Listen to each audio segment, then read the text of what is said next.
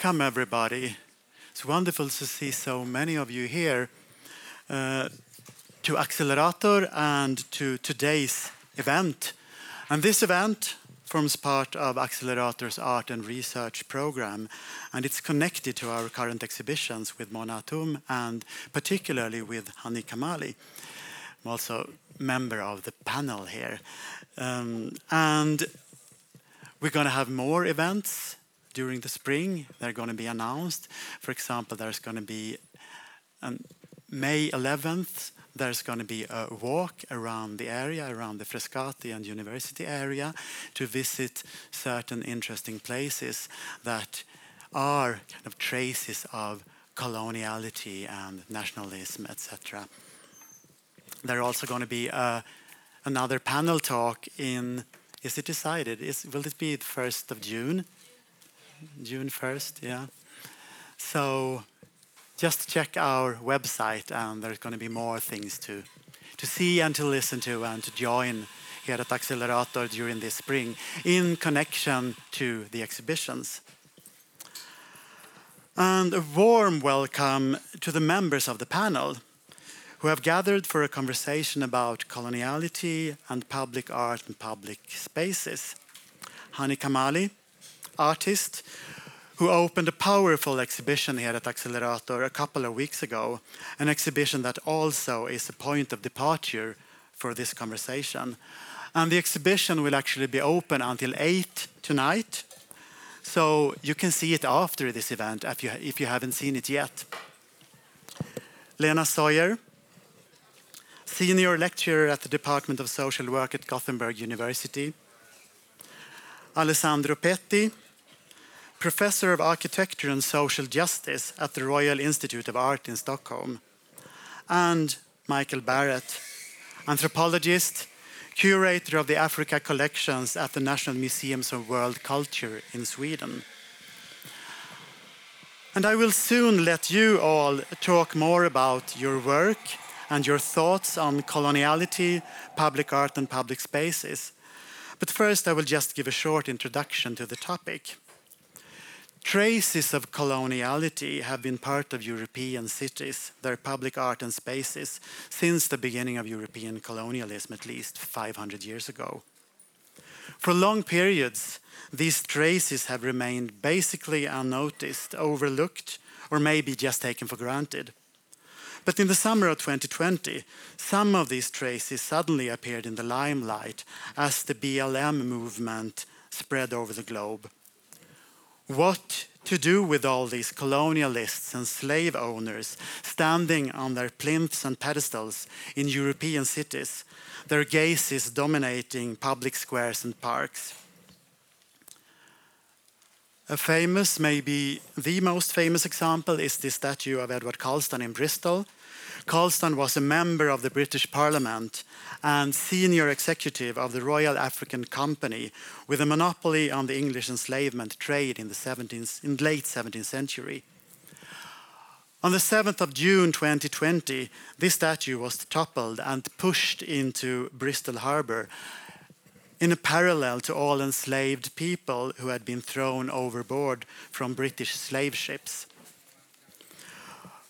Already before the toppling of the statue, it had been the object of artistic interventions.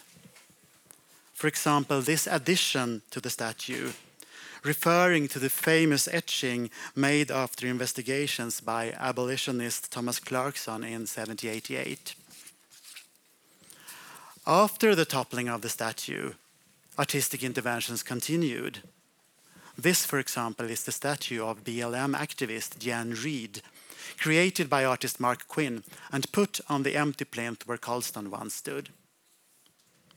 So, this was a moment in time when traces of coloniality in public spaces in the Western world became highly visible. However, most of the time, I would say, these traces seem to stay invisible, overlooked, even concealed. I just want to give one example before leaving the word to the panelists. I have been teaching post-colonial theory and decolonial critique at Stockholm University for quite some time now. Over the last five years or so, I've showed my students these images from Stockholm Central Station. This is a work in wrought iron made by the artist Stig Blomberg in 1959. The theme of the work is the four cardinal points represented by human figures. So on the north side, then, we find this Inuit with a puffin on his head, a seal to his right, and an Inuit girl, a little Inuit girl to his left. To the south, we find this African medicine man performing a rite. To the west, there is a representation of a Native American alligator god, a settler colonialist, and Native Americans. And to the east, an Indian temple with female temple dancers.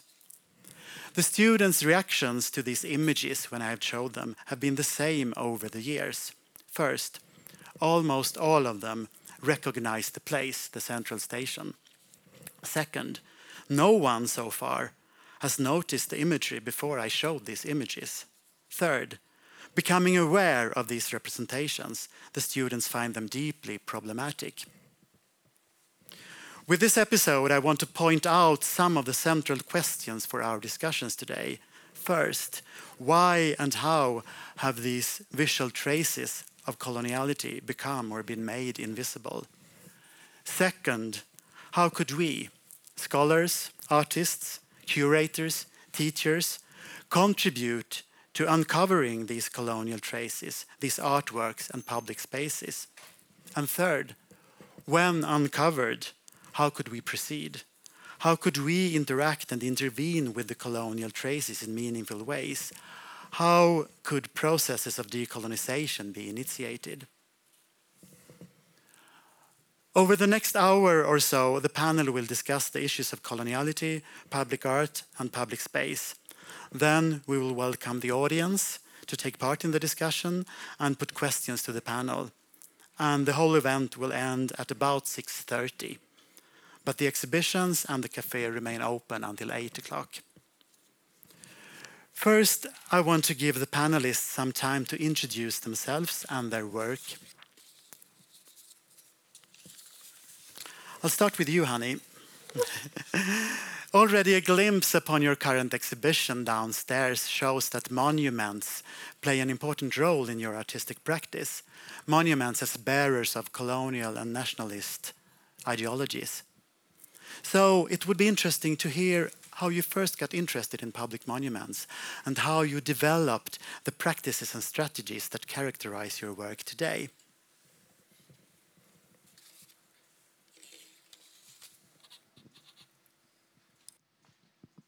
Hi, everyone. I'm Hanni. Um, I've somehow always uh, been a person who has walks around a city. Um, but my interest in public art, in particular in monuments and their meaning, started in a conversation with um, an art historian and curator called Sarat, Sarat Maharaj, who's also very into walking. Um, and we were first talking about Carl von Linné um, and his descriptions of Malmö when he was there. So I was a student at Malmö Art Academy. Um, um, and then I did my first walk, and we, or I started a project surrounding public art, and we walked to um, another work by Stig Blomberg in uh, Malmö. Yes, it's this one. Um, yeah, you show the whole thing first. So this is Torgbrunnen. Uh, by Stig Blomberg. Mm. Put on the Stortorget, so the big square, uh, if it's a direct translation, um, in 1964 for the 50 years anniversary of the Baltic exhibition.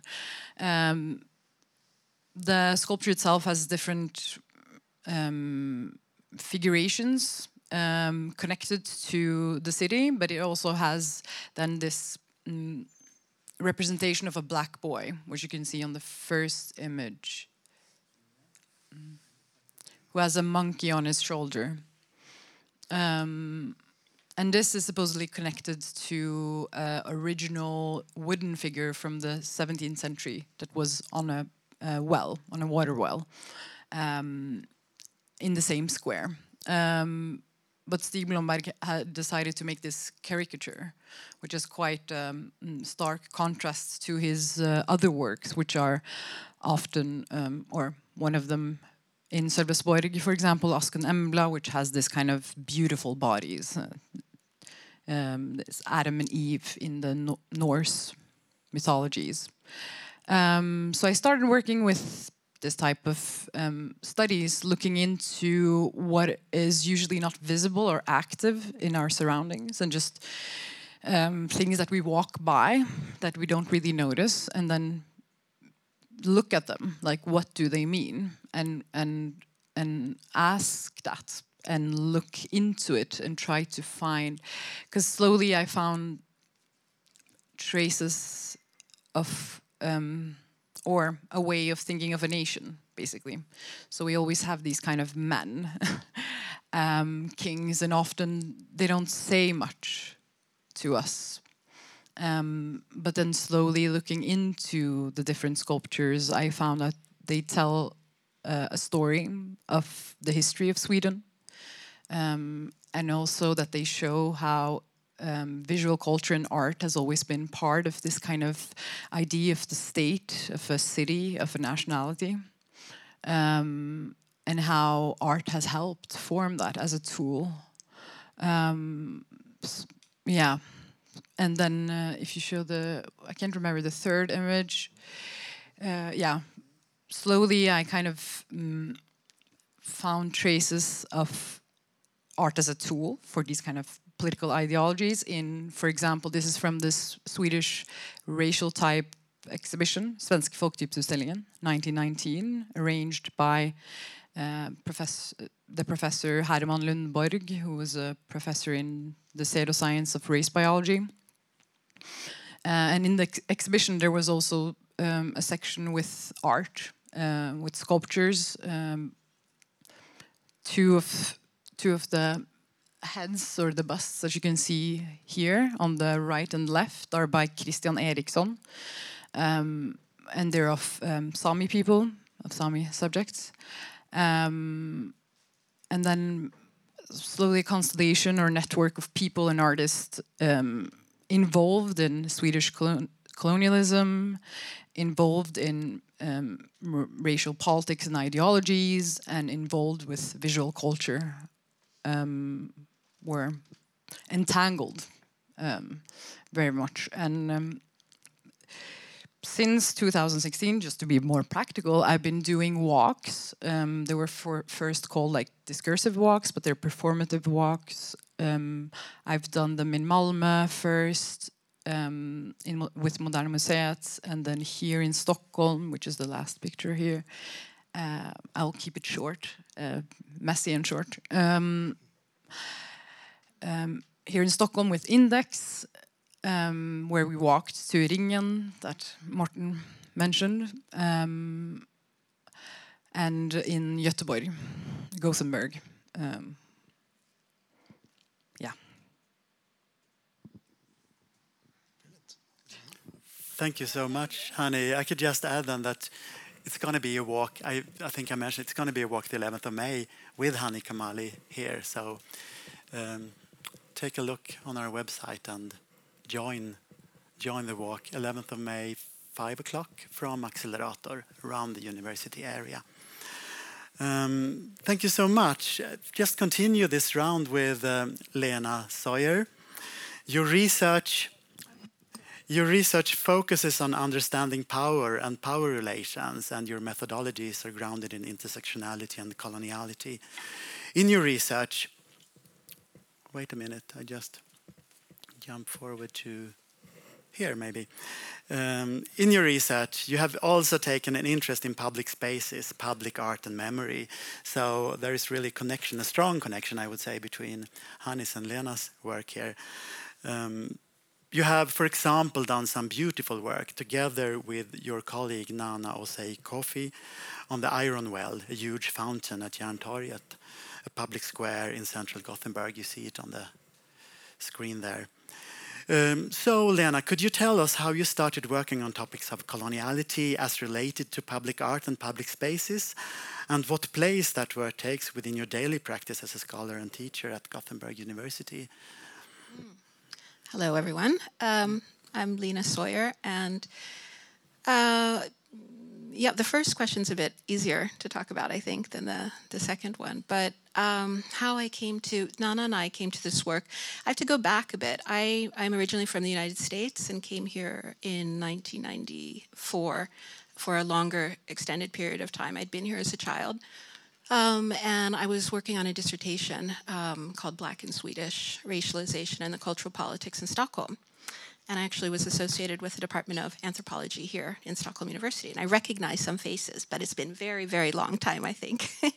um, anyway, so uh, my dissertation was partly interested in trying to understand Sweden in relationship to racism and stories of my father's experiences of racism uh, compared to my Swedish family's stories of Sweden as a place without race. So my journey to Sweden was as continued to be actually probably a lot about trying to make sense of the role of race and racism in Sweden, but also in my own life. Um, yeah, how I came to this work on the statue. In part, it came through walking. Um, I've been collecting, I've lived now in Sweden for 20 years, and I've been collecting little fragments and traces that I've seen um, in the public space, uh, a kind of little personal archive of Black living survival um, in Sweden, contributions. And I came in contact with another researcher named Nana Osei Kofi, who is born and raised in Gothenburg, similar background to me. I think her father's from Ghana, her mother's from uh, Gothenburg. Um, and she had moved to the United States about the same time I came here.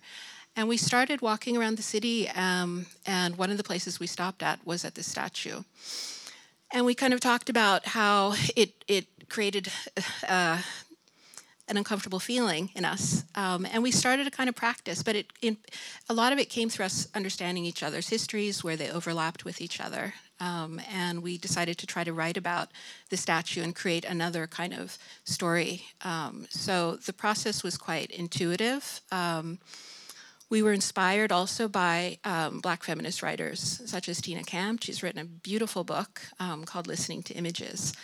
Um, she's a historian. Um, and it's about the way that encountering the archive, the archive that's around us, the silences, and also kind of creates a methodology of how we can um, understand this meeting and the, and, and the way that it awakes a kind of response in us, in our bodies, um, that is, is a kind of response of resistance, a refusal of the story that these, this archive wants to tell us. Um, so we started through doing walks and talks um, and writing together and reading each other's texts. Um, and then we started clipping them and putting them together. Um, and we started kind of creating another story um, uh, about the statue. Yeah. Fell in there. Thank you so much. And the statue is that one we see here. You also sent me some detail images. Do you want me to show them? Do you want to say something about them? No, I can. Or, yeah. I don't. I, yeah, sure. Yeah. Um, so yeah, so that's Nana. Um, so we we stopped. The statue itself is built by Tore Strindberg in 1927. It's a bronze statue called um, Fem the five uh, world parts, Järnbrunnen, and it's a it's a statue that was made to kind of represent uh, the the point Gothenburg's role in the export of stångjärn, and Sweden was one of the largest producers and exporters of stångjärn um, during the 17 and 1800s, and it's also at the height of the transatlantic slave trade. So you can wonder what was this iron being used for. Um, so the, the statue is five women um, who are supposed to represent the five uh, uh, world parts, um, and it's all the women are facing outwards with their backs turned against each other, and there's a kind of water spurting um, in in the middle from a boat um, uh, at the top. And um, yeah, you can see it there. And so we became very called, uh, drawn to the figure of the African woman that's supposed to represent um, Africa. And we started to think about um, how we how we this meeting that we were having together with her. Um, so we were interested in trying to understand her height, um, and we so at first we were kind of reading the archive through the kind of narrative of dehumanization of Black lives, um, and but then in time we started to see little traces, spots where we read in other possibilities, which of course was also inspired by Tina Campt's beautiful book. She talks about Afrofuturism um, and refusals. So the little toe hanging there, we started imagining how tall is she? She's about 10 feet tall. Um, of course, we're also affected by context. We were, you know, um, uh, Black Panther was a film that we had both been inspired by. We started imagining, what if she stood up? What if she? How big would she be? What would this woman do? Um, and we started saying, but look, her feet aren't totally placed on this platform. That little toe hanging, she's ready to jump up. Um, so we started like fantasizing together, um, and we were also inspired by a term called critical fabulation by Saidiya Hartman, um, who kind of suggests how do we create knowledge about an archive that's not written for us, um, that participates in the kind of dehumanization of Black lives. Um, so we we were inspired by that term as well. Thank you so much. Here, another topic seemed to raise or a theme, the walking as a method that both you, Lena, and Juhani uses. So it's really interesting.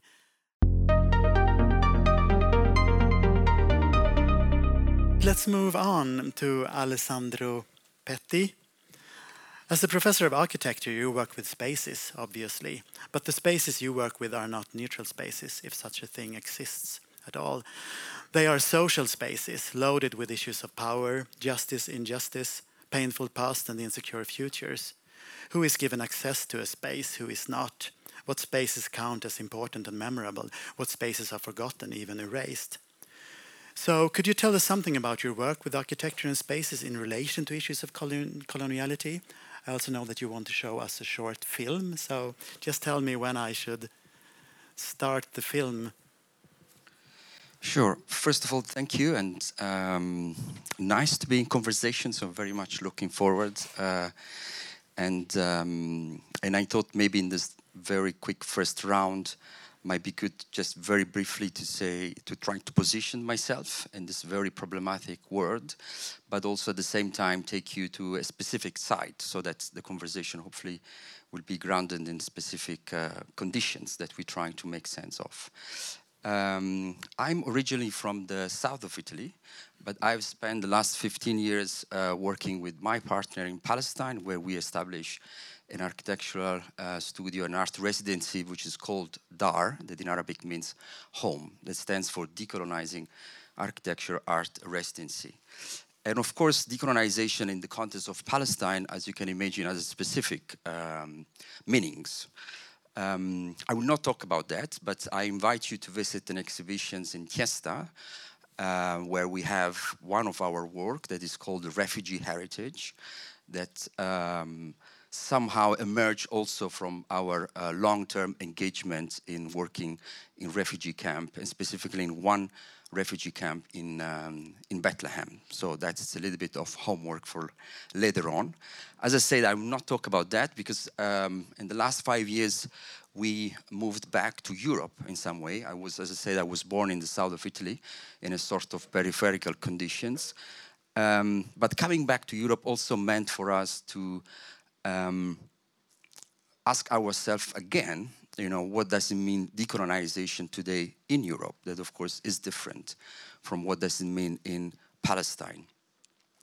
And for me, of course, was very much also um, engaging in the specific conditions of um, the borders or the marginalities of Europe. You know, in a way, also, I think today we are in the opposite side. So I would like to take you uh, further south, uh, specifically in Sicily, where also, um, since I start teaching here, and for me was a great opportunity to also uh, expand some of these questions into uh, pedagogies, you know, trying to make sense of these questions to, uh, together, not just as a lonely researcher, but uh, together trying also to make sense um, of those spaces, but also more importantly, uh, acting upon them Um, in that sense, also that is where maybe intersection between art and research is for me fundamental, because in a way it's not enough to study things. You know, also after you study, what you do right? And I think this also, of course, as an architect, we have a little bit this damnation, you know, to always come up with something, with the propositions, you know, despite the situation might be extremely difficult.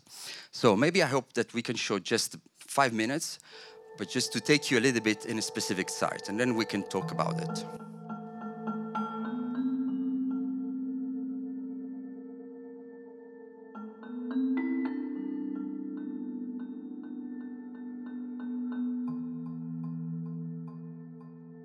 In the 1940s, the Italian fascist regime built a series of agricultural villages across Sicily as a part of a plan to colonize the south of Italy. Borgo Rizza was one of those towns.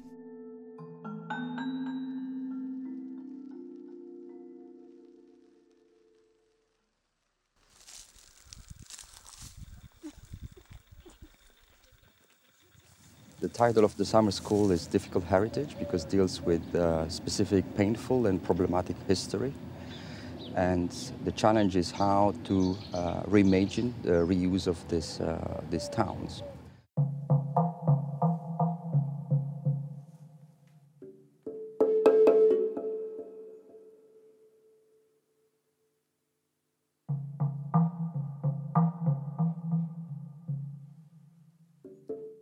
Most important building for us in Borgo Rizza is what was called the entity of colonization of Sicily. The entity of colonization in Sicily was very similar to the entity of colonization of Libya. They were built by modernist architects sharing the same intention the colonization of the countryside understood as backwards and unproductive. Against the re emergence of fascism today, we have asked to ourselves is it possible to transform the former entity of colonization of Sicily into an entity of decolonization? We would like to try to answer to this question with all the people that feel the urgency to challenge colonial, fascist, and modernist ideologies.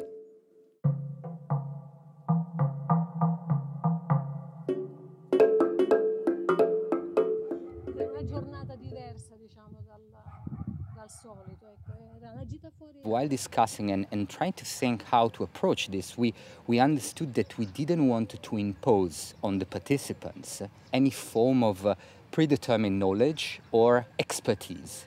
So we decided that instead of uh, creating, uh, you know, these very kind of mainstream standard forms of uh, lecture that are top down, we decided to let participants to have a sort of more site immersion. So the experts is the expertise, let's say, is given by the site itself. Perché prima no, non si pensava andare al mare come si fa oggi oppure andare fuori eh, del proprio paese, erano le, le zone circostanti che venivano prese di mira per stare insieme. Ma in che anni questo? Vabbè, io mi ricordo intorno agli anni 50-60. Ok. So che non, non tutti avevano la macchina. Sì, sì, sì, e forse neanche il motorino.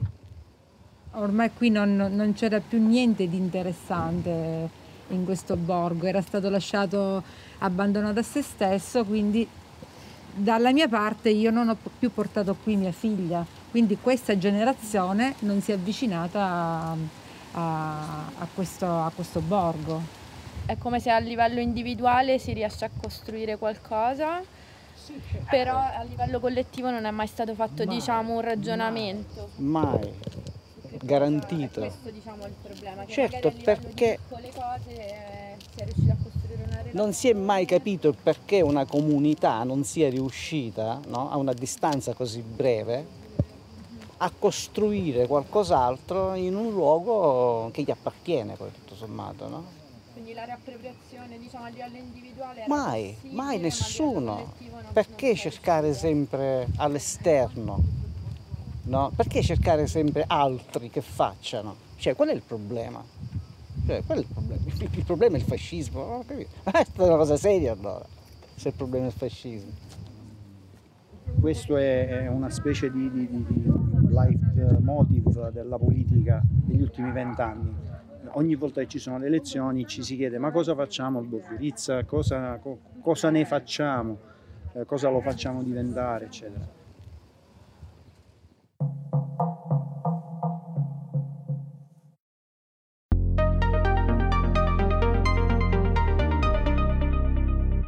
Then we move on to the last member of the panel, Michael Barrett. You work as a curator at an extremely interesting, but also, I would say, a deeply problematic institution, the Museum of Ethnography, an institution literally built on colonization and a colonial worldview. Within that institution, you have long tried to work against the grain, to make other histories visible and tangible. I'm thinking, for example, of your work with Ongoing Africa and the two recent exhibitions on Axis and Remixing the Future. So, could you tell us a little more about that work? Sure. Uh, thanks um, for inviting me. And um, yes, thinking about uh, the Museum of Ethnography as a colonial public space, in a way, is kind of the starting point that I've been working on for quite some time. Um, and I do that in several ways. I mean, you mentioned the ongoing Africa project, which is kind of the latest. It's a five-year long-term project where we engage with the collections from the African continent together, in particular with the uh, Afro-Swedish uh, community in Sweden, uh, but also with artists and scholars and uh, organizations, both here in Sweden and on the African continent um, to try to look at ways of, well, you could say, I mean, this is a shorthand to decolonize the museum, but I mean, yeah, we can talk more about what that might mean. It's a very, sometimes too easy way to talk about this, I think. Um, but I've also, of course, tried to understand the museum, um, uh, the way that the museum connects to different types of networks. Uh, and those kinds of networks that I think Hanni Kamaly shows very well in her exhibition um, in the early 1900s. Um, uh, I mean, colonization was kind of an important factor um, that united many of these actors. Um, but then, of course, different types of epistemologies that were connected to racism and yeah, white supremacy, I suppose, uh, was also something that connected them. And I'm interested to see also how um, exhibitions in Stockholm uh, during this period, so let's say from the 1880s up till the 1930s, were very much um, uh, defined by this network of people, uh, and how it was also very central to Swedish culture, to Swedish media, to Swedish science, uh, in many different ways. So it was very central. And I suppose what happened after that, after the 1930s, I'm also interested to see how exhibitions that were connected to the Ethnographic Museum and Africa, more specifically, uh, kind of moved from this central position in Stockholm, in places like Arvfurstens palats, uh, Konstakademin, Liljevalchs, um, yeah, to the periphery so the museum moved in the 1930s to Gärdet, to um, what was then the garrison, um, where it's also that's also the location where it is now. So in this, so 1930s to 1950s, it kind of moves from this um, central position in Swedish culture to the periphery, um, and which I think is kind of where we are today. Um, and that's and I've thought a lot about how that kind of has uh, been very convenient in a way for Swedish society, because um, we can sort of now um, pretend like we were not part of colonialism, we were not part of these networks. Uh, the Ethnographic Museum is now about showing cultures from the rest of the world in a way, in a very neutral and very innocent way. Uh, and of course, that is not the case. So. Um, yeah, so that kind of uh, movement I'm also interested in. Um, I've looked at the um, one of the earliest exhibitions in Stockholm about the African continent, which was in 1886 um, in Palmeska huset, which is next to Grand Hotel, which is today a big bank. Um, I think it's Handelsbanken. Um, and in 1886, there was a very important exhibition held there. Uh, it was attended by the king and all the princes, a lot of the nobility, the political elite, the economic elite of Sweden were there to celebrate the homecoming of a couple of Swedish soldiers that were part of the colonization of the uh, Congo Free State. So in the Congo, there were quite maybe a couple of hundred Swedish Swedes that were part of this colonization movement. And when they came back, they were celebrated first at a big feast at the Grand Hotel, and then with an exhibition, kind of rewarded with an exhibition showing artifacts from the Congo. Some of them were violently looted in the Congo, um, and um, yeah, and kind of this was kind of seen as a very important uh, event for Sweden at that time. It was a way to show that you know Sweden were part of of the rest of the European um, uh, powers, I suppose. Um, and also, of course, the scientific establishment was there as well. Um, uh, different types of scientific societies and members of the of the yeah scholarly and scientific class in Sweden. So that's also something that I've been working on.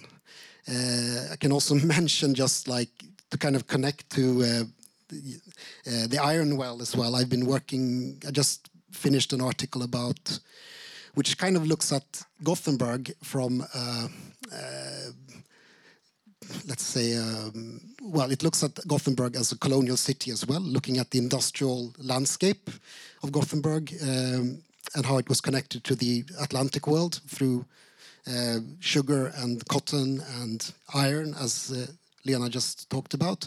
And I'm doing that through the prism of my father's um, photographic archive. And My father was a Jamaican immigrant in Sweden and lived, who lived in Gothenburg, just a stone's throw away from the iron well. Um, and uh, so I'm looking at his kind of photographic archive of black people in Sweden from the 1960s to the 1970s and 80s um, as a kind of a shadow archive um, of, of the sort of uh, mainstream society in Sweden. So how so that's kind of the third thing that I'm working on.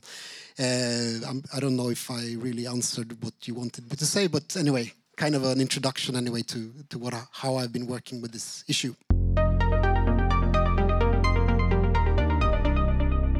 Thank you so much to all of you, and I think we start to see a kind of of map, a map of coloniality with certain highlights on Gothenburg, Stockholm, Sicily. Um, it's really it's really interesting. I would like to return to my introductory example with the artwork at the central station and what it says about the invisibility of the traces of coloniality within public art and public space. On one hand, this artwork, this particular artwork, is placed right at the center, at the center of the central station of the capital of Sweden. Thousands and thousands of people pass by it every day. On the other hand, no one seems to see it, to see its imagery, to reflect on what it means.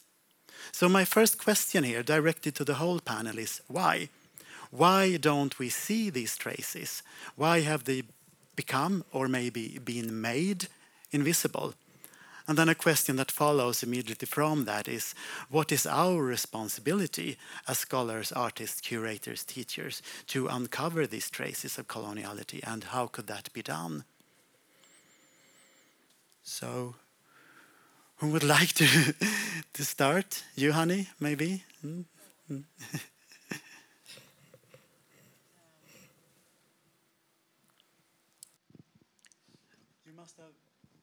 I figure that you must have the same experience as I have with my students. When you do your guided walks through the city uh, and you show these colonial imagery on the facades and the sculptures in squares and parks, etc., that so many people living in Stockholm, passing by these places every day, have not noticed what the images is about.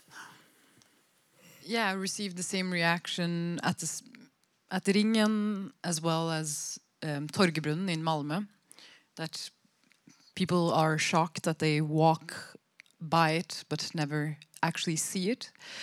Um, I don't actually have a clear reason why that is, but I think perhaps it has become part of our background, our day on our day-to-day -day life.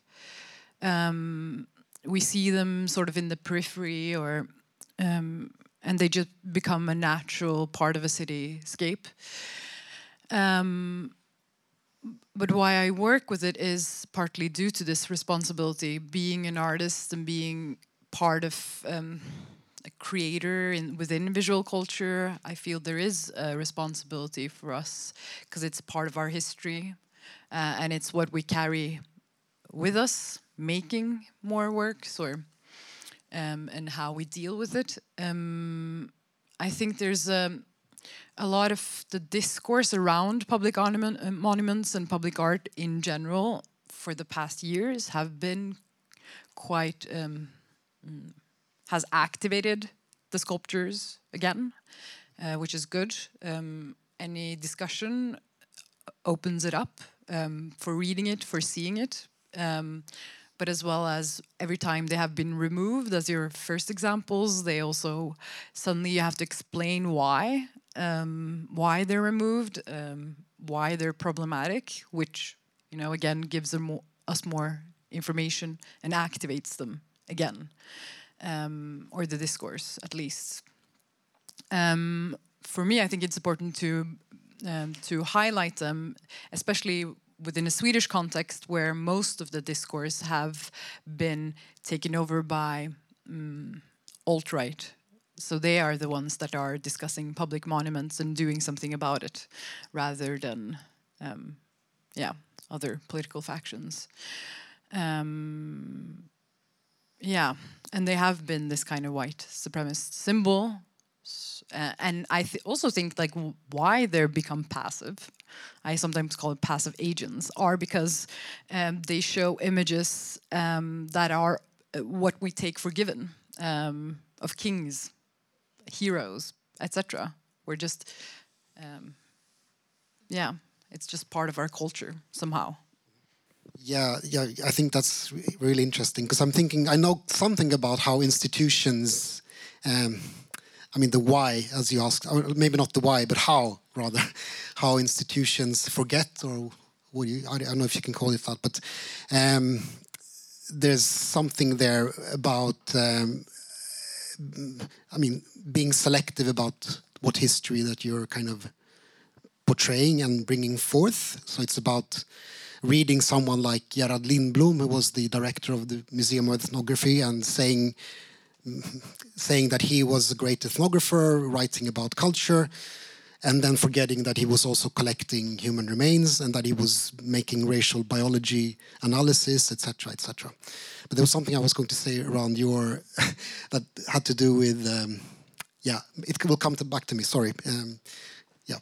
I'm listening to both of you. It makes me think that one of the way I'm still trying to understand why these images that are so visible in plain sight seem to be so invisible um, on the on the one hand, and I think it has to do with the kind of normalization of racism, the normalization of a kind of white. Uh, these images are seen are seen to be as uh, natural in some way, um, and they kind of legitimate a kind of uh, structural problem in Sweden that has to do with racism. Um, and I also think that at the same time that they're not. I mean, I think when Nana and I started talking to each other um, uh, stopping in front of statues. We also sat at the square and asked people. We said kind of ethnographic. I said, why don't we sit at different benches and just you know whoever ends up sitting next to us be like, hey, what is this statue? Um, and most people didn't know. Oh, I don't know, really. I've lived here my whole life, and this is where the iron was. So it was very interesting to see there's this kind of collective amnesia about what is a statue and what does it represent. Um, and I think if there had been other images that you know say say we shift the or the order of things and had other kinds of images i think that that would critique that that would make it more visible for a kind of normalization of, of a white like uh, whiteness associated with swedishness and kind of this imperial project like imperialist project. I think that people would be able to see in a different way if we had other figures other representations. Um, uh, so i think that there's something about kind of these images um, legitimating a kind of organization of society. And that's one of the reasons why many people say they don't see. It's also, I think, it's easy. I moved to Gothenburg 11 years ago from Stockholm. So for me, it was, I was like, what is this statue? Why do I walk by it every day going to work? My department is quite close. Um, so I think it's also coming with different eyes to a new space. But I think when I started talking to some people, um, who lived in Gothenburg, uh, people of color, people interested in, in like um, uh, critical race perspectives, that they would say, oh yeah, but I think it's there's not a conversation. So maybe people just put it like as a little fragment, but there's not a larger conversation. What does this mean? How do we try to shift this? Um, so I think it's also a kind of silence, a kind of, uh, yeah, oh, it's just a statue. Yeah. Yeah, I, I, know what I was going to say now. I was I was thinking about the, the, idea of taking things for granted, and I was thinking about again the collections that I'm in charge of. Um, so the the idea that we have these collections from all over the world in Sweden. Um, is taken for granted. So the idea of that they're here is just like, yeah, they're here, and that's why we don't see uh, the connection to to colonialism. We don't, you know, it's it's natural. It's part of the natural world that it's here. Um, and I suppose that is connected to, to what you were saying about, uh, yeah. When I was talking to you, Alessandro, just before this panel discussion started and I was talking about this invisibility, you said that with your examples, your Sicilian example, these fascist architecture in Sicily, they are they have never been invisible. I think you said that they have been almost obscenely visible through the history. So it would be interesting to hear you develop a little about that. Yeah, right. Maybe I would like to try to take it through um, the lens of um, asking the same questions, but maybe uh, with architecture that is uh, a little bit more tricky to hide. Um, and going back a little bit to uh, fundamental moments um, in the struggle of decolonization in the 50s and the 60s, um, in the 70s where these questions were asked. So also going back to, you know, not to invent all the time the wheels from zero. And that time, um, these questions of how to reuse colonial buildings actually was, uh, was very important. Um, and essentially, uh, the debate was uh, divided in two, right? I mean, the pragmatic people will say, you know, if, if we have schools, if we have prisons, if we have museums, you know, the new uh, decolonized state can just take over and it's enough that is in, um, you know, it's, it's managed by a new government uh, that is not anymore a technically colonial government, and we can just reuse them. And unfortunately, we know that that didn't work because, you know, if we just reuse the, reuse the same structures, you know, we might continue to perpetuate the same violence. And that actually is the very hard lessons of, uh, of decolonization in the 50s and the 60s and the 70s that have not delivered what they were promising, uh, the liberations, you know, a new society. And one of the problems was essentially the fact that, you know, most of the, uh, what happened, it was just that uh, colonialism was so deeply rooted that uh, was not enough, you know, changing the head of the university was not enough to change the head of the state a much more radical change had to happen and didn't. And that's why, you know, we are still seeing, you know, so much uh, colonial violence, and this is why we are calling more precisely coloniality instead of colonialism, uh, just because we somehow have to deal with that problem. It was not enough that local people will take power and then all colonialism is gone. We know that in most of the cases that was not true and many of the colonial violence actually continued.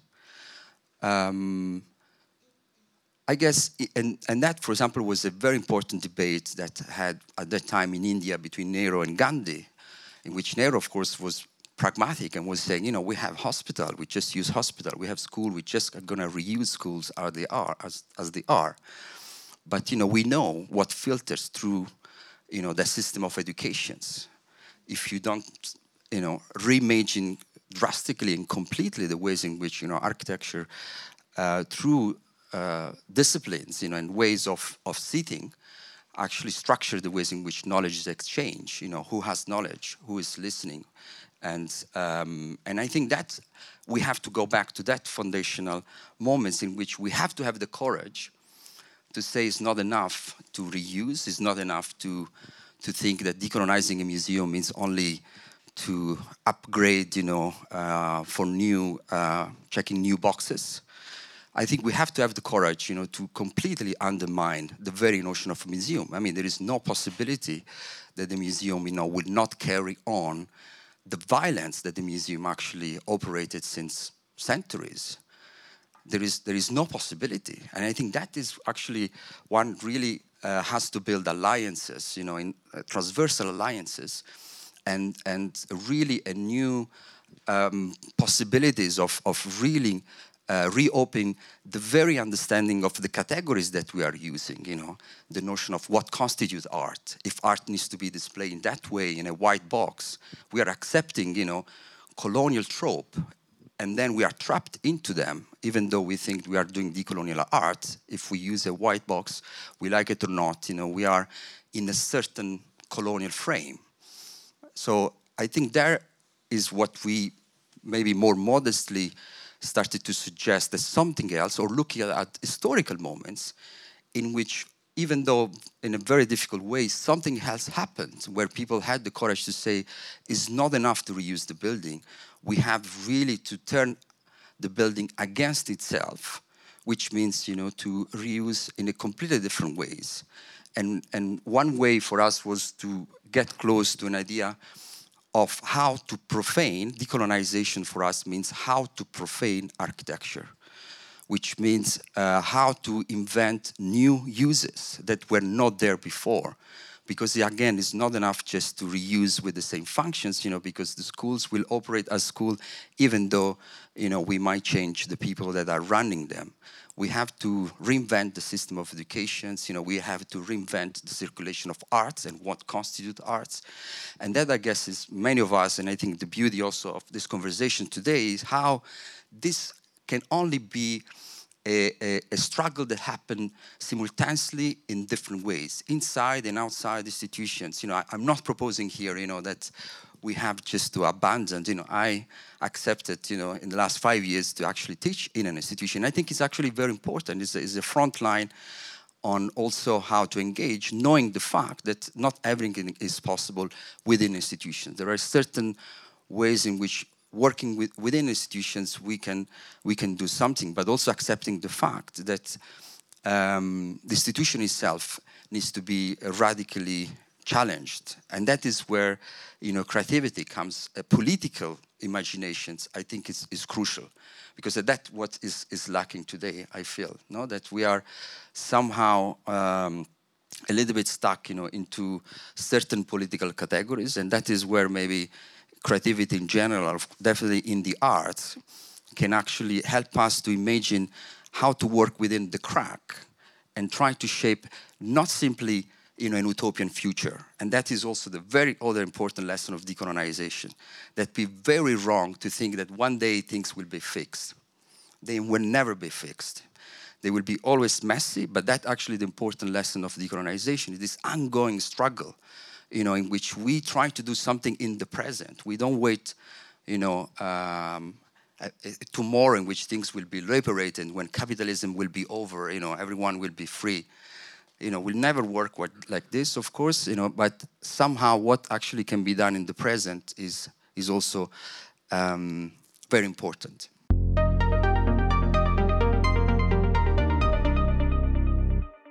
It seems like this map or this picture is getting deeper and the same way clearer. It's not only about a monument here and there, it's not only about a trace here and there, it's about our our buildings, our cities, our streets, our squares, and our institutions really being saturated with coloniality. And we all, all of us here, work in, in one way or the other within institutions. You work at the university, a museum. You, I suppose, are a freelancing artist, but you work in a way within the art institution. Uh, so it would be just very interesting to hear you take up this thread from Alessandro. Um, what about the coloniality of the very institutions that you work in, for example, Michael or Juliana? And what about decolonizing? That's a huge question. and to talk about the coloniality of the institutions we work in. Um, Yeah, the, the, one of the difficulties when you're working in a university is and trying to find ways to do otherwise is that we are trained in the methods of coloniality, and being in institutions changes you also through time um, in these uh, ways of understanding, ways of creating knowledge, ways of understanding validity, um, and I think it's important to to try to like uh, in my department, we're a few teachers who, who you know, try to uh, lift in texts that talk about uh, that lift up decolonial perspectives um, in the Department of Social Work, which is a bit different, I think. I'm not sure that's in many social work departments, um, but also through practice um, in trying to create other kinds of pedagogies, um, other kinds of to get to try to encourage students to you know i have students that say can i use the word yog i in my text? I mean that's where we are at you know it has to be objective. So social work is very positivistic as a subject so it's it's very difficult i would say. Um, but i think that there is shift and movement um, and there are ways that people in these systems and in colonial institutions um, such as universities are trying to test other kinds of methodologies, who are trying to break form, um, and who are brushing up against, as Sara Ahmed would call, the wall. so there is, and probably many of you sitting here are also doing that in your own ways. Um, so it is, I think, something that we are trying to figure out. Um, and one of the difficulties, how do how to do differently, how to do differently. Um, and this work with Nana, for me at least, has introduced me into other kinds of conversations and other, and I mean other in the sense outside of the university. Um, with like this panel here, I'm very honored to be part of. Uh, but I've also been in, in, contact with different kinds of conversations of artists and social movements, and that to me has been very inspiring um, to be part part of other kinds of conversations. Um, and I think social media has kind of opened up for the possibility to participate in all of the creativity pushing against walls that is going on. Um, last week I was uh, listening to Black Archive Sweden, who had a wonderful panel uh, about uh, uh archiving practices uh, going on around in Europe, in Amsterdam, in London, um, in uh, where's the third place? Amsterdam, London, yeah, those two places, and also in Sweden. Um, so there are many interesting spaces, and people are creatively like creating count shadow archives um, and create and also pre presenting tools and also I think ideas of how to to create these uh, shadow archives. It's a huge question. Um, so I mean, I think Alessandro touched upon it. Um, I mean, the most important thing for me to challenge the institution that I work in, the coloniality of the institution that I work in, is the long-term commitment um, to to doing differently and it's really long term. It's not something that can be quickly fixed. And as you said, this, it's not a box to be checked.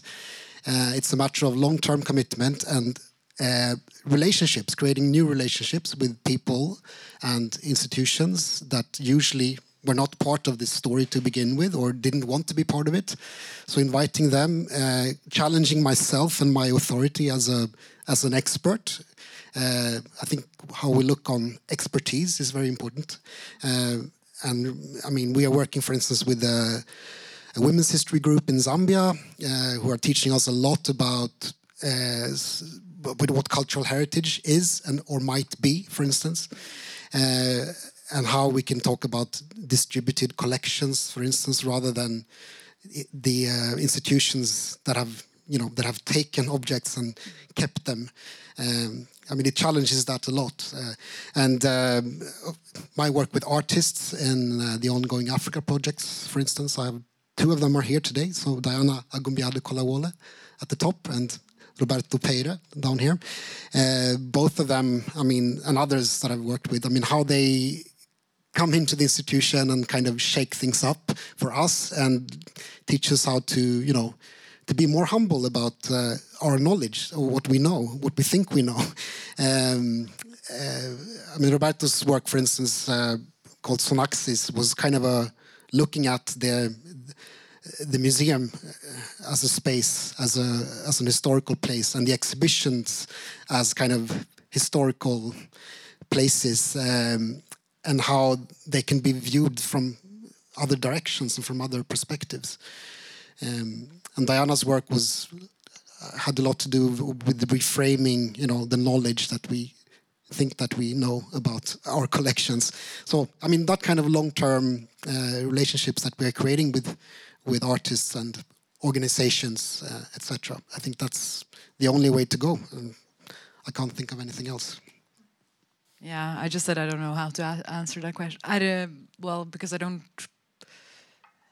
work in an institution in that way. I sort of have um, only like well, um, it's always temporary or so I'm not sure how I decolonize.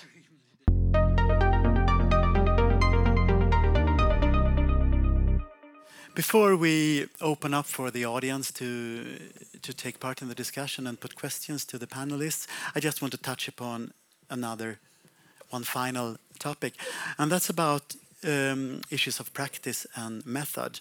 We have been talking a little about that, but I, I would, would want us to focus a little on that before we open up the discussion.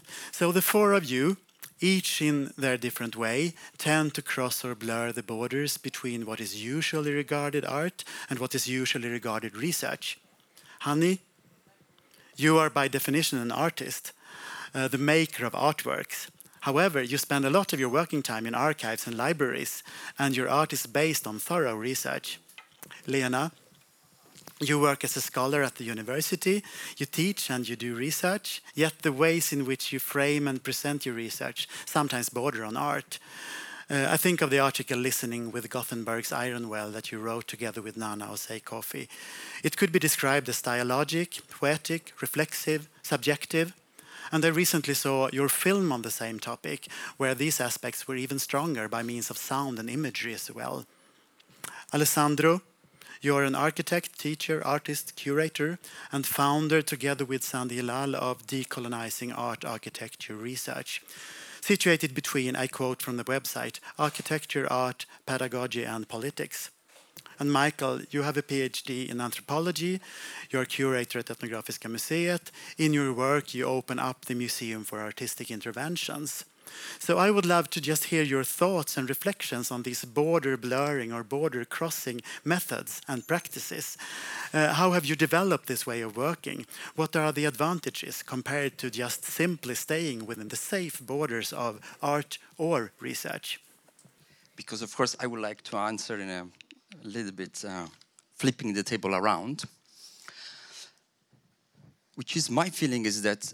Um, at least this will happen to me, but you know, I guess it might be similar maybe also to others. That actually the borders are drawn on us. It's not that one, you know, somehow I wake up in the morning and say, I want to transgress some, some of those borders. That's not my aim. It's actually the other way around, in which, you know, we are bringing on this colonial modernist categorization of our life that we should live in these boxes that are given to us, no? To be anthropologists, to be architects, to be artists, you know, and what this entail. Um, so I guess why don't we, in that sense, since we are trying to do that, we are all learning, you know, and trying to make that reality. The first, maybe, uh, decolonial act should be refusing these categories altogether not even talking about you know being inter interdisciplinary or transdisciplinary you know um, because otherwise you know we accept you know their very authority it goes back to you know what we were saying before you know in the moment that you accept that sort of frame you know then you are you are somehow trapped and it's true that I, am not undermining the fact you know and i'm not negating that this is our reality and we have in a way to deal with that. And therefore, the only thing that remains at this very moment is actually constantly moving, uh, not because we want to, but just because you know the our practice, our interest, our questions cannot be slide, you know, and and put in that category because you know someone 150 years ago, you know, made a discipline, and now we have to follow this crazy person, you know, that somehow you know, thought that this should be fitting there. Do we have the courage to do that? That is the work. This is not just the symbolic things that we see in the monuments. This is everyday work that you, we are all confronted every day because every day we submit to that uh, kind of things, you know, working inside the institution or outside of the institutions. I mean, that's, is, you know, these categories are also applied, you know, to division between private and public, you know, uh, nature and, and human, you know. This is the coloniality that we are in it. And therefore, you know, it's what uh, the important is somehow also really have also here the courage really to undermine these very categories, you know, try really to abandon the modernist project. And that is where I hope that also we try to, especially for the bodies that are in Europe today, I have the feeling that it's not enough, you know, to, to mobilize, you know, decoloniality um, because in a way it needs to be a little bit more painful for, for Western bodies. There should be something a little bit more annoying because otherwise they will say, ah, but that's something that's I, you know, ah, something that they do. No, I don't have to do anything.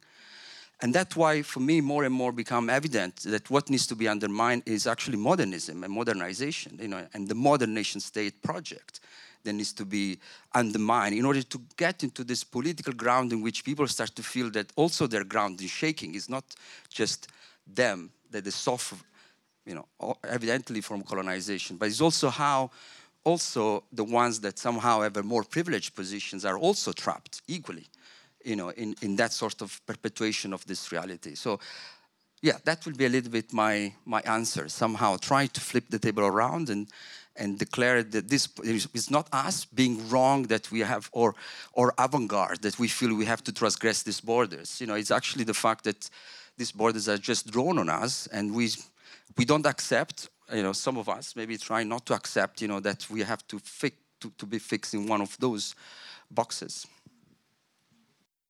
I, I think what you said was just very inspiring. So it's hard to say something afterwards. But I just the thoughts I had when you were speaking, I thought about. I mean, we as humans, I mean, we're born curious, we're born playful, we're born creative. We're we're. I mean, look at children, look at little animals. I mean, we're we're curious creatures. We want to understand our world. We want to play. Um, and I think you're right that these, you know, capitalist, racist, sexist system, homophobic, they, they kind of put us in little boxes. Um, and they have meriting systems. And I think I can only speak. This project was one of the first, is the first, one of the first times that I've really worked in this kind of way. So I don't have a, I've, I've done lots of interviews with people trying to understand racism, focus groups, you know, experiences of racism in Sweden. And I've always felt that somewhere inside that, that, that these methods were also very kind of violent in a way, kind of objectifying, kind of reproducing a colonial um, kind of mindset. Um, and I think maybe one of the reasons why both Nana and I, we turned 50, we were like, we also have economic security, we have fast chance, we have permanent positions. So it's also a very privileged position to be able to say, okay, what are we going to do for the next 10 years? You know, of our life, knock on wood, if we live that long what kind of mark do we want to make? What feels good? So for us, this kind of research was nurturing. It was a healing. It was actually quite healing to do this project. Um, playful. It was easy. We were not funded. We just and it had its own time frame. We do it when we do it. Um, and I think kind of slow uh, process was a kind of refusal of kind of academic um, hyper uh, time pressure that we can feel. Um, so I, it was also a bit scary to kind of follow this kind of intuitive process, but it felt very playful, creative, nurturing. So um, I'm very glad that we had that we took this road that we did, and I think that everybody has this playfulness, but I think these systems and disciplines and you know funding deadlines and the, the kind of categorization that you're that, that you're forced into in to try to get research money. Um, it's maybe even soul dead, deadening in my, in my in my mind. And to continue your um, the curiosity for me, it's uh, many things, but first of all, when I was a kid, I, I ha had this wish of having five different jobs or like five different expertise areas and uh, maybe lack of uh, decision making and, and, and, and curiosity just want to do everything. And within art, you can, you know, uh, one day be an anthropologist, and the next day you can be a bus driver. Um, and um, so for me, it was the possibility to do so much more and so diverse different thing of different things and then i use sort of research and this archival digging uh, as a method so the scientific part of it as a tool. And uh, for me it's also that these uh, archives collections are public. So they mean it means that we all own it somehow. It belongs to us. And it's um, a way um, to partake in that. Um, and it's rooms and places that you might not feel comfortable in of course it might be a, a, room where most of them are doing uh, research on their family tree or uh, that type of things. But uh, what you find is material that is ours, our history, um, and our ownership. So it's in a way of taking ownership of things, and then yeah, curiosity, as you said. I suppose I could say something. Um, so, Alessandro, what you were saying about um, about making institutions feel decolonization, I think, something like that. And I'm thinking one of the more radical ways that we are talking about it in the museum world today, of course, is return. The return of objects is the way that the nation state feels this work. Uh, uh, nation state or a museum that is that is kind of uh, used to uh, having these objects. I mean, first having taken them, and I suppose also being part of erasing some of those cultures that um, uh, they were taken from, and then kind of seeing them slipping through their fingers. I think that's an interesting. But I mean, um, yeah, um, yeah. I think that is at least some kind of comment on on that.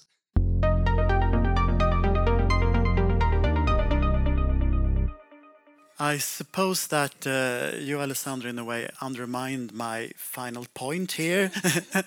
uh, but still, I think given the strength and resilience of these labels and disciplines and institutions, I still think that you should be given credit for your courage to resist and refuse um, being placed in a box or in a certain discipline or given a certain label. Uh, and I would also suggest that your border crossing or border blurring practices, if I may call them so still, are particularly relevant and productive when it comes to initiating decolonial processes. Coloniality is about drawing and protecting borders. Uh, borders separating colonizer from colonized, us from them, rich from poor, etc., etc. And the modern Western concept of art forms part of this colonial border drawing machinery it is a concept that isolates and elevates a very specific category of creative, material, and visual expressions, while excluding many other kinds of material and visual creativity, defining them as ethnographic objects, craft, etc., etc science in the West, modern Western sense is also a colonial border drawing institution, elevating one particular way of knowledge and understanding of the world while excluding so many other ways of knowing and understanding. So, hence, I would suggest that your methods and practices of crossing and blurring these borders between art and science may have a strong decolonial potential in themselves. Um, and I would like first to thank you so much for this extremely interesting discussion and it could go on for long. But I think now that it's time to invite the audience to take part in the discussion. And then we'll give one of the microphones to Richard here. And I must also say that unfortunately it's time for Lena Sawyer. You have to catch a train so you have to leave like um, in three or four minutes. So maybe if, if anybody has one short question for Lena, take the chance before she leaves in three minutes. Is this on? Yeah. Uh, the the sculpture at the Stockholm Central Station is very much a kind of symbolic representation of the of the continent, but the one in Gothenburg seems to be uh, created out of human bodies do we know if he had live models for for the work? Um, not that I have found that there's been live models. No, um, that he didn't. So it's also one of the things that Nana and I sat and wondered about. How did what image? Where is this someone he knew, are these images that he'd seen through uh, different representations that were circulating during the time. But as far as I know, no. But I mean, it opens up the the idea of. I mean, maybe this was his lover. I just started imagining all kinds of things. Maybe someone he knew or saw in the street, or. Thank you. That was Yeah. short. Okay, I won't go on. to say thank you so much to Yelena for participating in this. Hope to see you soon again in Yeah. another interesting occasion. Thank you. Okay, mm-hmm. thank you, and nice talking with you. But we can continue the discussion. Yes, I wanted to ask you something about the site of where the discourses or the practices take place and how do you approach it? Because at, at least in the case of Alessandro and Hanni, you have been uh, working both inside, let's say, institutions, museums, gallery spaces, but also uh, outside in sites, as we have seen in the film. But also, Hanni, you have been ha- having um, guiding walks and discussing around the the, uh, the monuments uh, or the statues. So I wonder, how do you approach uh, the different contexts, or where does this discourse takes place, and also uh, if something changes in the conversation, in the debate, in the discussion, because one of the questions for for tonight was also how these uh, discourses or uh, awarenesses of the colonial present uh, can make waves, let's say, in, in more than one community um, that is maybe more, or not, I would say, but uh, definitely I would not put a hierarchy, but, but still I would be interested in how do you approach in terms of where the discussion takes place and how the practice uh, mm, enters into a conversation with the site, uh, taking also, of course, as you were also mentioning with the museum, that the museum is a, is a site as well. Uh, so, yeah. Um, I think the a very important part of the walks are that they are in front of the work that we see in in in, in relation to a city, in relation to streets, in in relation to a square, uh, and this moving around, this activation of the body and, and activation of the eye. Um, yeah, there was another part of your question. I'm trying to. No, It was simply how how do you work? I mean, now you have an exhibition in a gallery space, and then you had the walk. So, sort of how how does it? Um, uh, what kind of vocabularies you use in relation to where your work uh, takes place, and uh, Yeah, you whether you also see, I don't know, uh, uh, changes in terms of the communities that are um, encountering your work, and what does it change in that dialogue in relation to also where the work takes takes place? Well, it has led into different. Um, there's two things I want to say. You mentioned also waves and changes. Um, I think there is something um, about that. Of course, I think, but to be honest, um, we are part of a discourse that also have led public art to be kind of dormant. That is to say that in Swedish context, especially, which is what I've been researching recently, uh, public art and monuments have been activated by alt-righters, the, meaning fascists and Nazis. You have uh, Karl XII, King Karl XII, who has always been, his statue and monument has always been activated by uh, Nazis and fascists on the 30th of November in particular and pictures and images of the sculptures and monuments of kings and heroes have been used by these groups since the early 1900s. Um, Karl XII has been celebrated since the end of um, 1800s, um, and this continues to this day. And when we talk about destroying monuments or toppling them or removing them, in Sweden, um, most of these uh, events have also been by fascist alt-righters and Nazis. So you have the um, uh, desecration of um, the Roma monument that was done by um, members of NMR. Um, you have in 2018 a sculpture by Carl Eldh, uh, the diver, who has two raised arms, where one of them, one of the arms were chopped off, so it would do the Nazi Heil. Uh, and this in celebration of Hitler's birthday, done by Nazis. Um, a group of Nazis also stole a sculpture by Carl Milles, uh, an artist who was a known fascist and Nazi as well. um, that they stole from um, a, a, rowing club in Malmö, um, and the sculpture was then brought up again when they were in negotiations with the police in relation to stealing a sign from Auschwitz, Arbeit macht frei sign. sign. so you have all these kind of happenings hap um, that have been happening throughout Swedish history. But at the same time, you have art critics that mentions the bust of uh, the colonial king in Denmark that were uh, was thrown into the canal. Um, by students from Copenhagen University or Art Academy, I mean. Um, an event that was mentioned in relation to the burning of books and uh, and the chopping of heads uh, by um, white male art critics, Swedish white male art critics. So you have this kind of uh, parallel discourses, and um, at the same time, we ha we are having the, a discussion around monuments, and discussions on monuments uh, are happening uh, um, often all over the art world. You have um, just recently GIBCA, or two weeks ago, I was, or one week ago, I was invited in to Gothenburg to talk about monuments. Um, but is that even is it leading to change?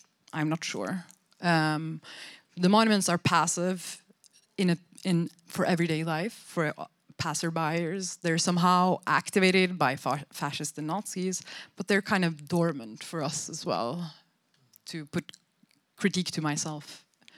Um, yeah. Um, uh, but this discussion has also led to other things in Malmö. There's a uh, uh, there will be a monument against racism uh, antirasistisk monument. There was a group of activists that demanded the city to to have a monument, especially since there was a racist murder in in Malmö, Peter Mangs, who who shot a lot of people, and and there hasn't been any monument after that. Um, and they have initiated a pre-study. Um, that I'm part of, with along with um, some other artists, uh, which is not to do the sketch, but to ask what is a monument and is it possible to make a monument against racism. So it's both, I guess. Yes, uh, thank you for the talk and enlightening conversation. Uh, I have uh, two maybe faffs or questions in relation to decolonization and monuments and also leading on from what Hanni has just spoken about, it seems as though we need a crisis in order to kind of activate um, what's happening with monuments or even discussions around decolonization. And even if works or ideas and thoughts and behind the scenes stuff are happening, we don't know about it unless there's a crisis. Is, there, is this something you've experienced perhaps, or is there anything you could maybe add to that in some sort?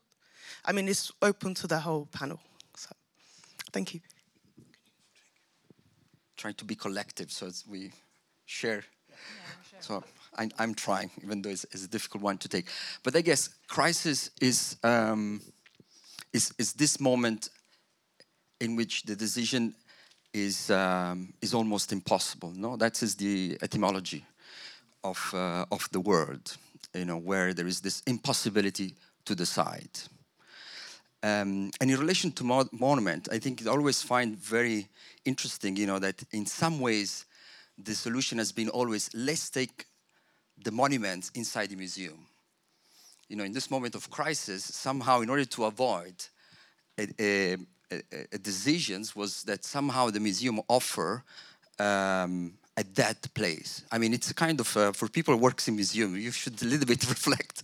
What does it mean that when an object um, that, you know, even though, of course, you know, and I like when you mobilize the notion of activations, that we can talk more about that, you know, but we say activations, you know, some people might mobilize the, the fact that art have been always part of our life. And again, it's our modernist um, very recent, maybe 100 years, someone has decided that you know we should display art in a specific setting, in a specific space. But that was not, you know, we lived for centuries in which the art was was part, uh, in which we could not even, you know, now we're say when the monuments needs to be activated or art needs to be activated but art was always activated because it was part of rituals was part of you know and more importantly was used so what modernism did said no you cannot even touch you should you know put it in that kind of neutral space quote unquote because of course it's not neutral but somehow also you know become a dead place i mean that's that i find somehow interesting that in this moment of crisis, the solution has been always that is the time. You know, I remember also, of course, also around um, Rhodes Must Fall. You know, the discussion was really at some point the, the, the ways, you know, it's time for this monument to go to the museum. It meant, you know, your, your ex existence as, as, as an agent is over. Go into the museum. And of course, you know, for people like us that tend sometimes to display museum, what does it mean? We are just showing dead things, you know, things that are not interesting for society anymore, you know, because they are put in the safe, safe space where nothing critical actually can happen.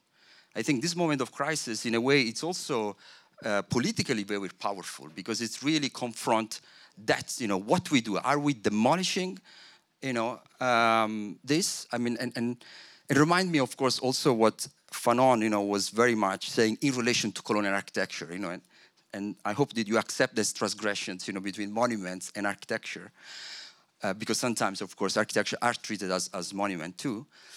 Um, but one of the things, if you remember, Fanon was, was telling, you know, it's impossible to, to think, you know, to, to use the colonial city. No, it's impossible to think that somehow a city can be decolonized. You have just only to demolish. No, that was his positions. You know, there is, the, otherwise, every trace, you know, will, will somehow re get regenerated and it will continue to work um, uh, in, a way how it was designed for. Um, so in that moment, I think of crisis is this questions, you know, is this um, needs to be demolished, needs to be reused or, or needs to be, you know, put in this kind of dead places that today we call museums in some ways. So I still think it's interesting to to actually that uh, in some cases, um, even in this very, of course, problematic and scaring way, you know, but somehow uh, around these places there is some kind of gathering and some kind of political claim. I mean, that's also unfortunately what is true also in the case of fascist gathering. Uh, one thing I didn't say about this specific town that we have been working on, that there are today young fascist activists that are, um, you know, celebrating um, Angelo Rizza, in which the name of the town is still there. Uh, and that's why we struck the name, is that the fact, you know, that we, um, since the beginning, we start to work on that side, you know, they got very nervous. But that also, we believe that is a sort of front line for us also to be there, not to leave, you know, those sides to this fascist group, you know, doing that also form of activism, you know, form of activations of arts, etc. You know, and how much also maybe in that moment we have also to to really confront um, uh, them, you know, on that side too, exactly on the notion of what we were discussing before. You know, what kind of story have been, you know, through this um, monuments so in that, for me, it's also interesting that actually they stayed. You know, I in that case maybe could be only the very rare moment in which I would disagree with Fanon. I I think it's way more interesting actually that these traces exist. Italy, for example, is a very special case. You know, for Italians, it's very normal that you have a speech of Mussolini, like four meter high, five meter long, you know, and signed by Benito Mussolini, post office you know, you go around, it's, it's like full of, full of things, no? But somehow today I find this extremely interesting because when people say, you know, ah, you still talk about fascism, wait a second. I mean, what are all this, you know, the architecture that we are inhabiting? You know, it's it's full of those things. So, and and I think our task is is just also to, you know, how how to reuse them. You know, in that sense, for me, if that these traces were not there, you know, the, the conversation will be much more uh, abstract or, or more difficult, you know, to have those, this material evidence, you know, material evidence as crimes, you know, you said that is still there. I mean, and that's something that we have not dealt with. You know, these towns in Sicily, they are still there, and there is still this impasse that the only ones that are interested is the, reg- the, the president of the regions that wants to rehabilitate them as this they were in 1930s. You know why? Because they were aesthetically very nice. That is the, conver- the only conversation that exists.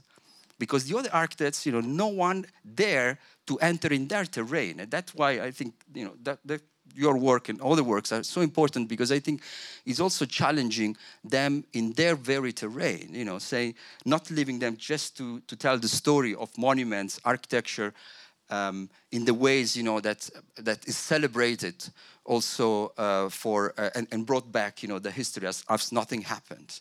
I think that is where also uh, a, a, good critical moment, a moment of crisis actually is, is actually very interesting, in which art become alive and it's not just a display in the museum with the, you know, with some wine. Sometimes it's very nice, but I hopefully, you know, we also have other forms of art practices that are not only the ones in which we have to forget our bodies, you know, we only have to see things, you know, but how we reintegrate them into, into the everyday life. I think I slightly disagree with you there. Um, I think museum kind of symbolizes, um, as you say, dead, but it, it, symbolizes the past. It symbolizes history. You go to a museum to see see historical painting. You don't go to the museum to see uh, contemporary art, and you go to an art gallery. But um, I think there, there, and and in terms of moving things into a museum is to somehow give them that stamp, your history now. And then monuments are, we think of monuments and public art, uh, and we have seen now monuments of bodies, monuments of particular bodies. It's the bodies of the other. And there's certain people um, that are part of us all um, that meet these bodies and see something else. It is a privilege to be able to pass by them and not notice them it is racialized bodies, is the bo bodies of the other that notices the violent images that are put upon them. And to deal with this is to take responsibility of it. Either we leave it there to, you know, it's metal, it can rust, it could fall apart. Uh, like Alois Riegl says, like it's uh, it's it's always the you know um, Apollon in in Greece falling apart that is a monument, a time of history that has passed. Or you could keep them, conserve them, and somehow they also get conserved in museums. But these monuments that are put out and are placed there are also kept. They're also treated, they're preserved in that sense, and they are encountered and owned by us all. So, in a way, it is time to somehow take responsibility for them. We are approaching the end of this talk, but I think we have one last question.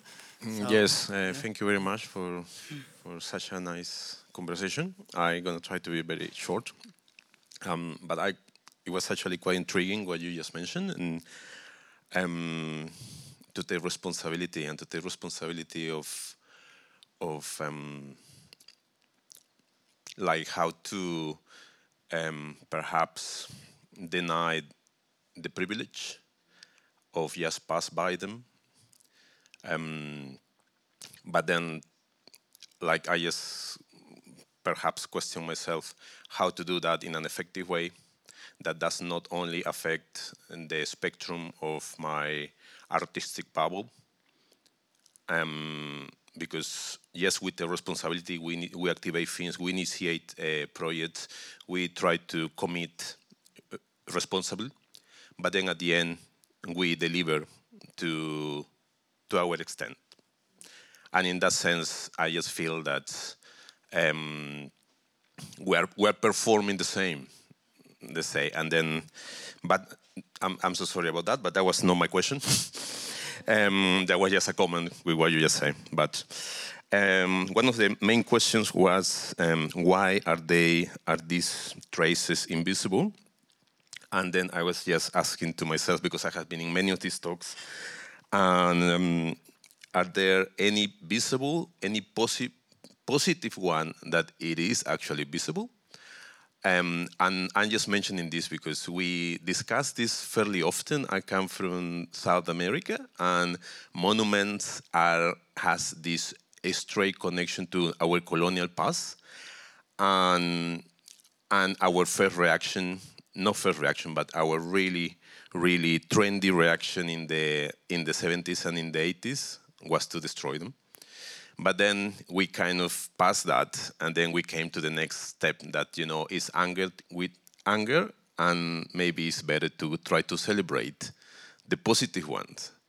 But most of the lectures and most of the conversations that we tend to invest our resources and our energy is keeping coming back to giving this course to to these uh, to these ones as as the ones that have been mentioned in this talk. Um, that would be uh, one of my questions. And then my very last question, and I don't know if I misunderstood you, Michael, but um, uh, you say in this how to deal with the colonial the coloniality in in the institutions, and you were mentioning that um, repatriation could be like you know one way of making the institution feel present. And is is within your role of curator of the ethnographic museum to repatriate objects? That's quite confusing that's a very good question of course and it and it isn't my role um, uh, of course my role that i've been given by the government is to take care of these objects and keep them to posterity yada yada yada. Um, uh, but um, well, yes, today I have to say that it is my responsibility to to lift this issue and to speak about it, and to make sure that you know we as institution stay relevant or become relevant for the future. Uh, and that is one way that we we can be relevant for the future because there are many issues. I mean, there are many aspects of return. Um, one thing, of course, is that we are hoarding thousands of objects that have never been seen since they were, uh, you know, taken into the institution and left to die, as we were talking about before. Uh, so that's that's kind of a, a practical thing. Uh, maybe it's better that more that we distribute this to other places as well, so that more people can enjoy it or yeah, do whatever they want with it. Um, and then of course it's the it's the historical issue of you know um, making amends of sometimes and i'm not saying this is true in every case i, I really make the point that not everything in the museum is stolen i think that's very important to know but there are those things that are definitely violently looted and we should focus on them in particular and in, in those cases i'm not you know i'm very open and clear about in those cases we should return these objects. But also a comment about actually, you know, that the museum is a place where objects go to die. I have to also disagree with that in some cases because, you know, there's a potentiality in the museum that sometimes is activated, I think. And I've been part of that. When I've, for instance, been present when some indigenous communities come to the museum and see an object that to them is an ancestor or is like a really important, you know, piece of um, yeah it's not an object. It's it's much more that it's spiritual. It's it's it's much wider uh, that perhaps we cannot see trained as we are in the modernist way of thinking of dividing everything into this is religion this is music this is art this is whatever um, so there are this these potentialities in the museum uh, for life for even objects to be more than much more than life and we don't really know what they are, you know, now. So that's that's that's a potentiality. It's it's kind of dormant in a way. So I think that's an important thing to also bring in. Um. Thank you so much, everybody here who have chosen to spend this Wednesday afternoon and evening together with us discussing these important issues. And a warm thank you to the panel, to Alessandro Petti, Hanni Kamaly, Michael Barrett, and Dana Sawyer, who have, has had to leave a little earlier. Thank you so much. And I also want to extend my thanks to Jelena Jovicic, who actually initiated and organized this panel and who unfortunately wasn't able to take part in it herself, but she's there. Hi, Elena. Thank you so much.